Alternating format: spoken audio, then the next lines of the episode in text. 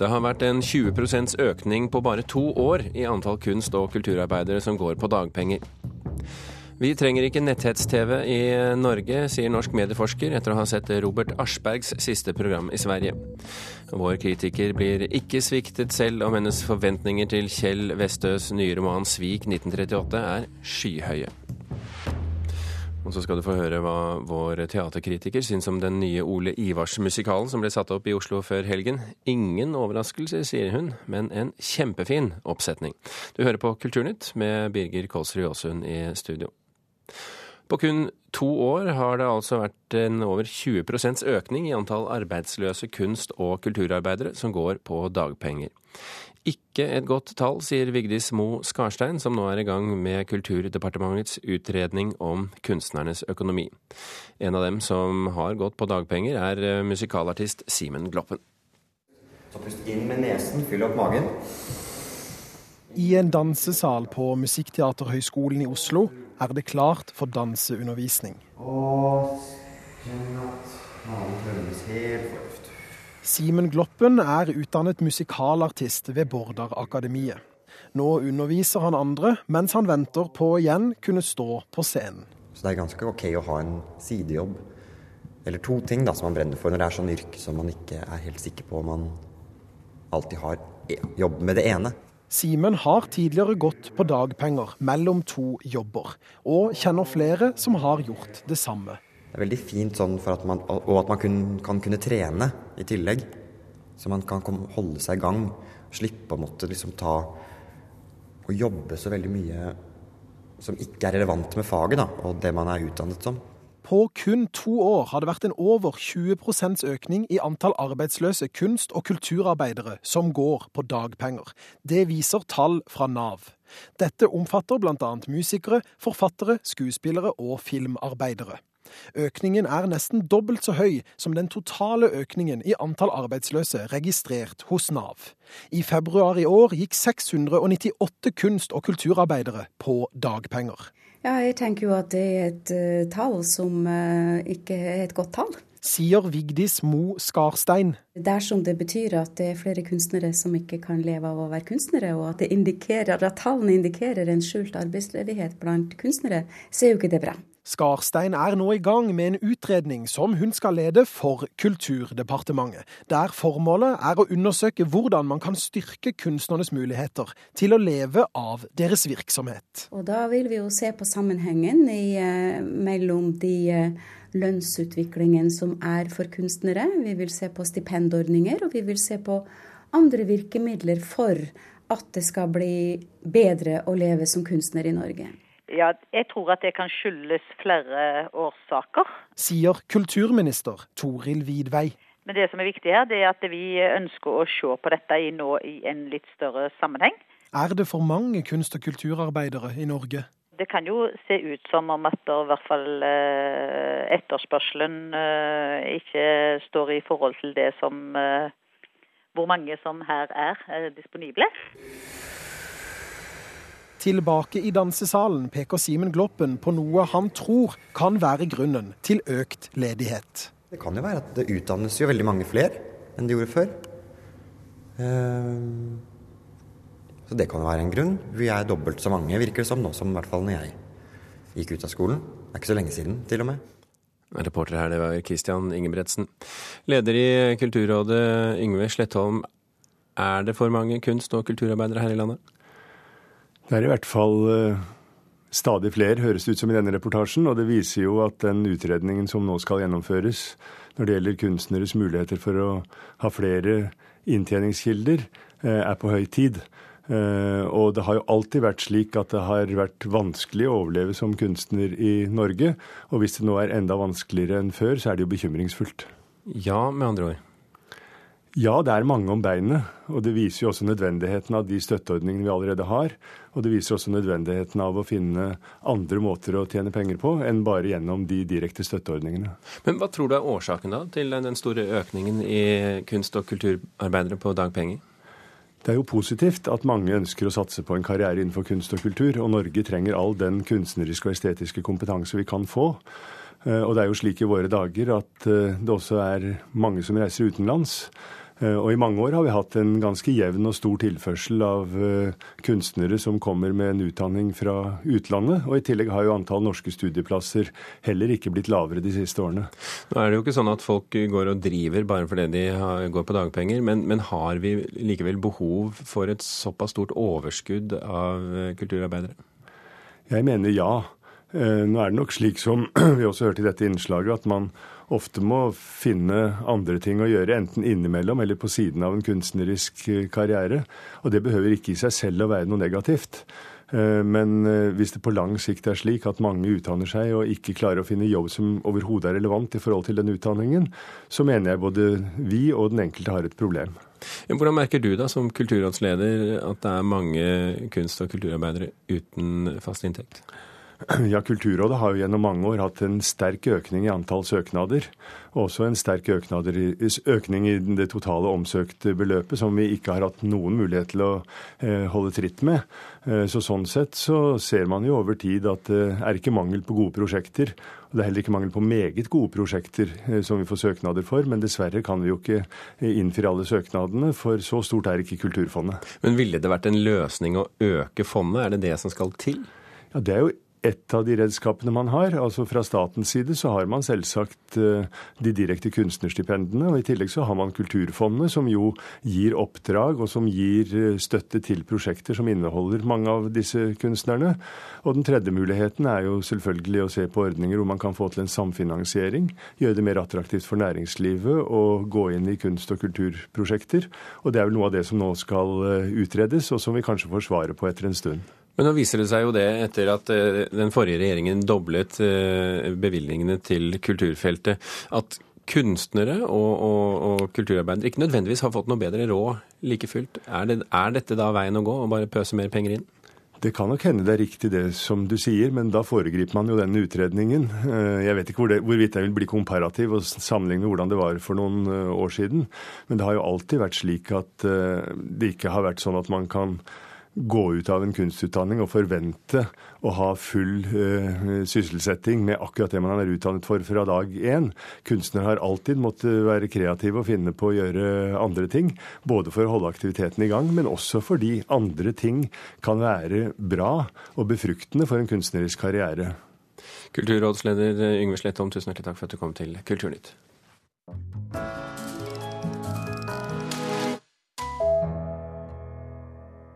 Politisk korrekthet skaper problemer for kunsten. Det sier forfatter Karl Ove Knausgård til Danmarks Radio. Til programmet Deadline sier han at det i Skandinavia hersker en politisk korrekthet når det gjelder emner som innvandring, likestilling og feminisme. Han mener kontroversielle holdninger som gjør litteraturen mer eh, eh, interessant, og trekker frem Hamsun som et eksempel. Here we are together, a couple of stay-uppers. Our day's done at breakfast time and starts it with our suppers. Here we are together, ah, but the best of friends must party. Ja, den amerikan amerikanske underholdningslegenden Mickey Rooney som vi hører her, er død. Det melder The New York Times. Han debuterte på scenen før han fylte to år, og fikk sitt store gjennombrudd i tenårene gjennom sitt musikalsamarbeid med Judy Garland. Rooney brukte hele sitt liv på å underholde både fra scenen, kinolerretet og TV-skjermen, og mottok både Golden Globe og Oscar-statuetter for sitt arbeid. Mickey Rooney ble 93 år gammel. Og så til et annet musikalsamarbeid.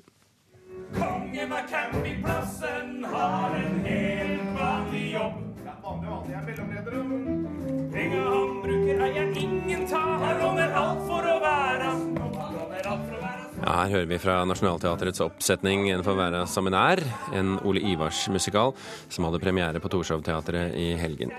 Og teaterkritiker her i NRK, Karen Frøsland Nystøyl, eh, hadde du noen gang trodd at du skulle få se en dansebandoppsetning på en av Nationaltheatrets scener? Nei, det hadde jeg nok aldri trodd. Men eh, jeg hadde godt av å se den. Det, var, det, det går jo an å lage dansebandmusikal. Ja, på hvilken måte går det an, hadde jeg nær sagt. Ikke det at det ikke skulle gå an, men det er, jo, eh, det er jo, to uh, ulike kulturuttrykk som møtes, så mange tenker at dette kanskje vil bli rart. Men, men det de har gjort, da, de har tatt uh, fortrinnsvis tekstene til Ole Ivars. Uh, og orkestrert de på nytt, gitt de et nytt musikalsk arrangement. Og gjennom det så tre tekstene i seg sjøl fram. Eh, historiene blir enda mer allmenne, enda tydeligere. Og eh, når velger man rette sangtekster, så klarer man fint å fortelle en historie både med kronologi og, og framdrift og alt det som trengs for at det skal bli eh, godt teater og godt musikkteater. Du var så vidt innom det, og, det har jo også vært flere som har kritisert Nationaltheatret for å la Torshov-scenen sette opp det de oppfatter, kanskje uten å si det, eh, som lavkultur.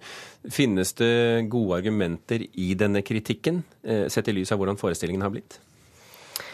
Altså, da, da, vil jeg først si at et av mandatene til Torshov-truppen, altså disse fire skuespillerne som er det kunstneriske teamet de neste to årene, er jo å forsøke å få nye publikumsgrupper til teatret. Og sånn sett så, så, gjør jo de jobben sin når de lager en Olivers-musikal. Dette, altså Gjennom jobben som er gjort med tekstene, og gjennom den orkestreringa til Simon Revholt, så, så blir det, det blir en musikal med, med Ole Ivers tekst kledd i en musikaldrakt. Uh, og det, det, går fint. Det, det, er gjenkjennelig, men samtidig så er det noe nytt å hente, å hente i det. Noe nytt for meg, i hvert fall. Og I motsetning til anmeldere flest, så så du denne forestillingen sammen med et eh, vanlig publikum som mm. har betalt sine billetter. Hva gjorde det med forestillingen? Og for meg var det helt, helt, fantastisk å se den, ikke bare med inviterte og presse, men med, med noen som virkelig hadde gleda seg til å gå og se forestillinga. Så jeg satte meg på balkongen eller på etasjen over for å ha godt utsyn. Og det var, det var veldig fint. Jeg så et engasjert publikum som klappa med, og som sang med, og som, som kjente mye av stoffet, men som òg blei overraska underveis. Og da Christian Skolmen sang 'Jeg trodde englene fanns', så så jeg flere fingre opp i øyekroken. Så jeg tror det treffer. Mm. Som, som sceneforestilling, da? Som teater? Så er det veldig gøy. Det er veldig morsomt og, og Altså, det er, det er, ikke avansert. Det er en veldig enkel historie eh, på, som skjer på en campingplass. Og det, det, er ingen overraskelse for meg som kritiker i verken historiefortellinger eller noe som helst. Men de har klart å gjøre en god musikal ut av det allikevel. Og jeg syns eh, spesielt Christian Skolmen eh, som kongen av campingplassen gjør en utrolig god rolle, bl.a. med stemmebruken sin. Han, legger, han skal være en mann med pondus, men så legger han stemmen akkurat så lyst at du skjønner at han har mye bagasje å bære på, som det da vises i musikalen etter hvert. Har du endret ditt syn på Olivers etter dette? Ja, jeg, har, jeg, gikk faktisk hjem og hørte på Olivers etterpå, originalene, for å, for å, vite hva det var jeg forholdt meg til. Og eh, historiene i tekstene trer tydeligere fram for meg enn de, enn de har gjort før. Karen Frøsland Nysveld, tusen hjertelig takk for at du kom til Kulturnytt. Klokken er nettopp eh, rundet 16 minutter over åtte. Du hører på Kulturnytt, og dette er toppsakene i NRK Nyheter akkurat nå. Det er ikke sikkert den eh, opprivende striden i Senterpartiet er over etter dagens nestledervalg. Filmstjerneoperasjon fører til økning av gentester blant norske kvinner. Og det kan bli eh, streik i hoteller og restauranter. Det er et problem når man plasserer alvorlig trakassering i en underholdningsramme. Det mener en norsk medieforsker. Før helgen hadde TV-serien Trolljegerne premiere på svensk TV. I serien oppsøker et TV-team, med Robert Aschberg i spissen, mennesker som hetser andre anonymt på nett. Nå kan det komme en norsk versjon av dette programmet. Jeg tror ikke vi trenger det. Altså, I den grad det er underholdningsprogram, så tror jeg dette ikke nødvendigvis vil ha noen preventiv eh, funksjon. Sier medieviter Elisabeth Staksrud ved Universitetet i Oslo. Hun refererer til programmet Trolljegerne, som hadde premiere på svensk fjernsyn før helga. Skrota ditt jævla skrivende i stedet. Sluta pisse på det svenske arvet vi har. Hoppas det hender noe utrivelig med deg, vidrige as. Hets og hatefulle ytringer fra anonyme på nettet. I Trolljegerne oppsøker programleder Robert Aschberg de som hetser, de såkalte nettrollene. Somme av dem blir vist usladda i programmet. Og hva er det med det? Jo, jeg tenkte spørre hvorfor du er anonym når du skriver om deg. Så konfronterer han dem med utsegnene deres. Jeg kan lese noen for deg. Ja, ja, du får lese hvor mye du vil. Man blir så forbannet som man skulle ville gjøre som Lasermannen. Slike ekstreme ytringer er en del av hverdagen i kommentarfelt og forum på nett. Men Elisabeth Staksrud synes det er et problem når hetsen blir lagt inn i det hun kaller ei underholdningsramme. Det handler ikke bare om et samfunnsoppdrag å prøve å avdekke og, og hjelpe noen, eh, men det gjøres i en underholdningsramme som blir, kanskje gjør det ekstra problematisk eller ekstra utfordrende å diskutere. Det kan nok sikkert oppfattes som et eh, kontroversielt program. Det sier programdirektør i Norsk TV3, Åse Bendiksen. Før helga melder Aftenposten at kanalen vurderer å lage en norsk versjon av Trolljegerne. Åse Bendiksen vil ikke nødvendigvis være med på å definere programmet som underholdning. Man kan jo f.eks. si at uh, dette er et mer faktabasert program. Det kan også uh, stille spørsmål om uh, hvor går grensen mellom underholdning og program som hjelper deg. Hun sier det svenske programmet har som mål å få politi og styresmakter til å ta netthets mer alvorlig. For å sitere vår programleder i Sverige, da, Robert Ersberg, han sier jo at uh, mange av de folkene som blir utsatt for sånne nettroll, Eh, livet deres blir jo gjort eh, til et rent helvete. Det er jo grunnen for at man eh, i Sverige har valgt å sette søkelyset på dette problemet gjennom å lage et sånt TV-program om det. Veldig ulykkelig at jeg var så korkad uttalende. Du er ikke alene om det? Nei, det tror jeg ikke. Nei. Og be om unnskyldning. Ja, det kanskje er en bra idé. Ja. Bra. En angrende netthetser ber Robert Aschberg om årsaking. Typisk åtferd, sier Elisabeth Staksrud. Når de da blir konfrontert med, med, ytringene, så er det veldig mye beklagelser, og det er veldig mye unnskyldninger, og de er, er ikke eh, fullt så eh, ivrige til å fronte de samme meningene. Hun mener en også må ta omsyn til hetserne. Det er et godt rettsprinsipp i Norge som sier at man, når man har vært, eh, gjort opp etter seg, når man har tatt straffen sin, vært i fengsel eller betalt boten sin, så har man gjort opp, og så skal man kunne gå videre i livet. Er du outet i et underholdningsprogram på TV, eller ligger du på Google, så kan du ikke det. Reporter her, det var eh, Lars Ivar Nordahl.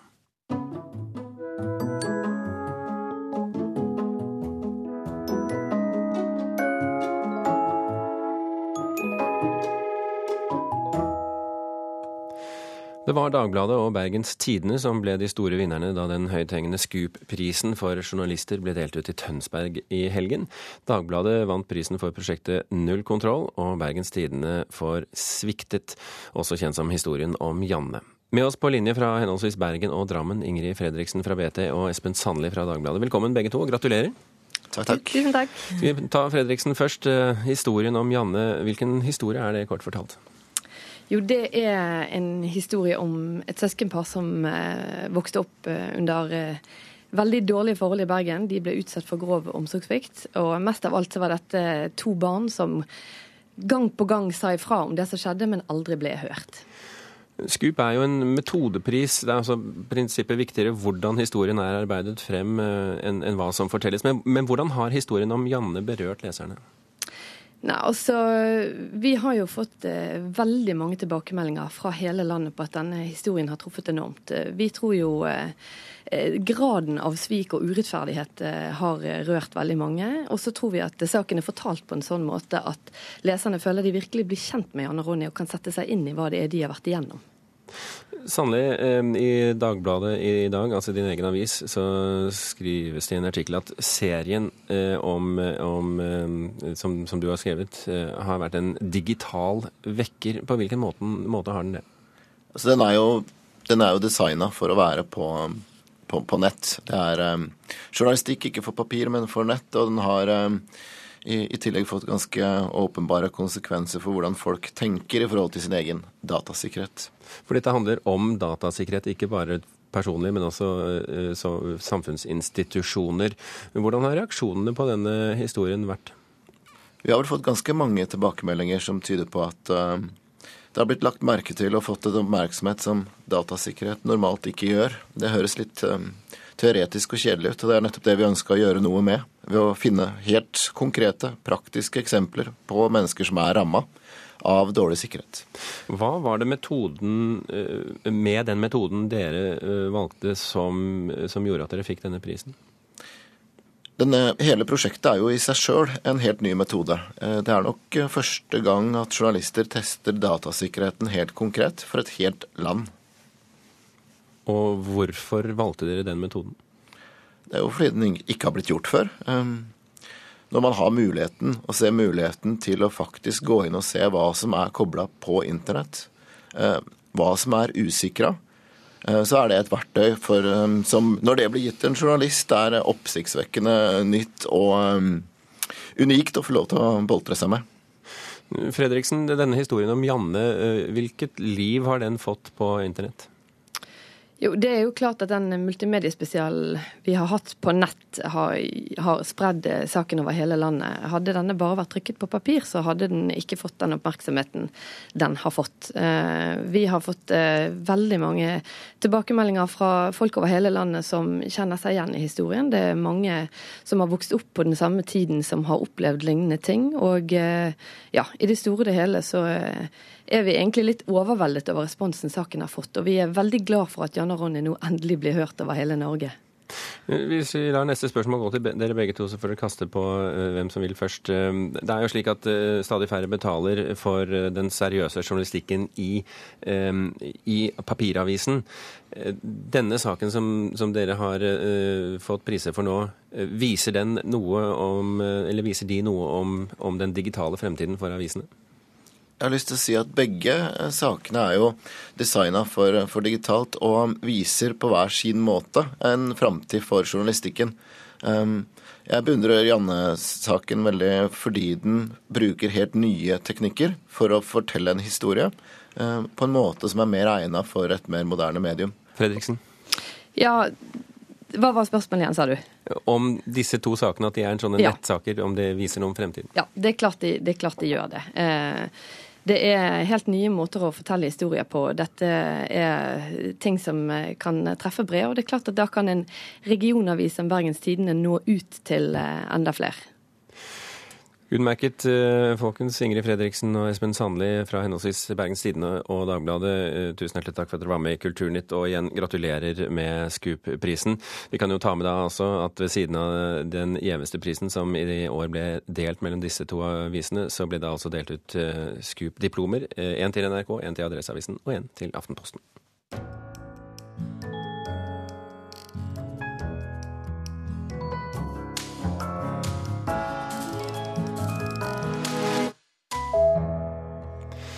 Den finlandssvenske forfatteren Kjell Vestøs nyeste roman 'Svik 1938' er nominert til Nordisk råds litteraturpris, og den er også nylig kommet ut på norsk.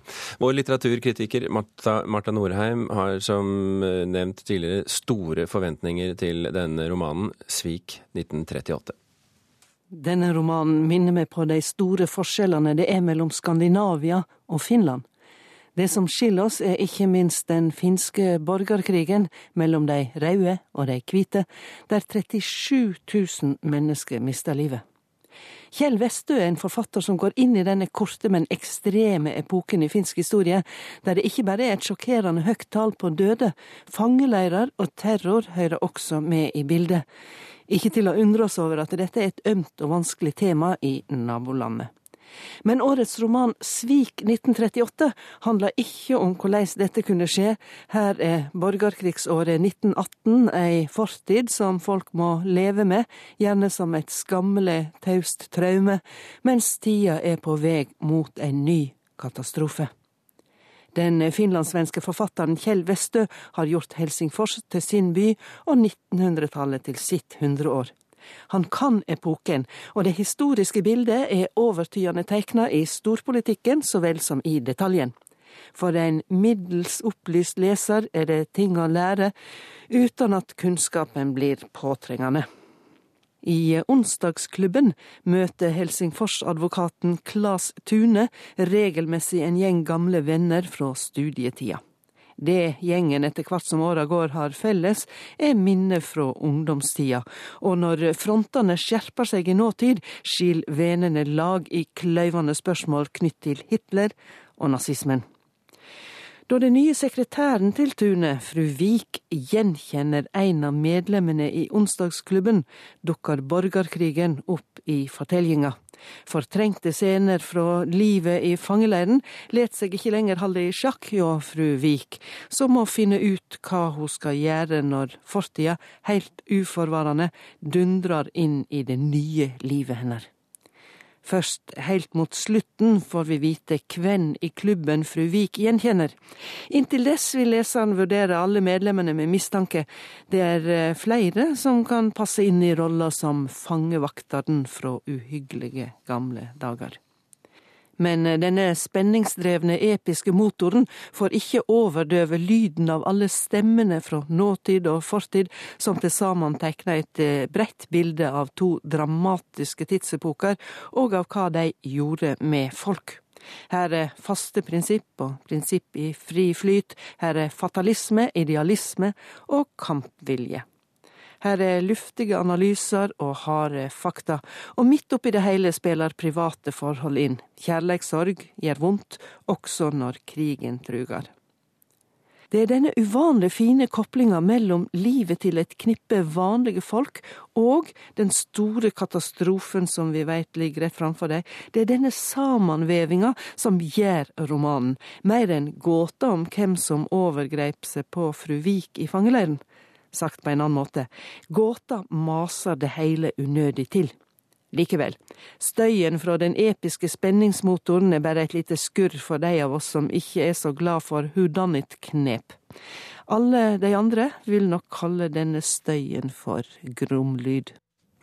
Ja, Det sa vår litteraturkritiker Marta Norheim. 'Svik 1938' er oversatt til norsk av Erik Krogstad. Kulturnytt er slutt. I dag har vi fortalt at det har vært en 20% økning på bare to år i antall kunst- og kulturarbeidere som går på dagpenger. Ikke nødvendigvis et problem for samfunnet, sa lederen for Kulturrådet Yngve Slettholm. Og så hørte du at vår teaterkritiker syns den nye Ole Ivars-musikalen er en kjempefin oppsetning, om enn ikke veldig overraskende. Frode Thorshaug, Espen Alnes og Birger Kålsrud Aasund takker for seg.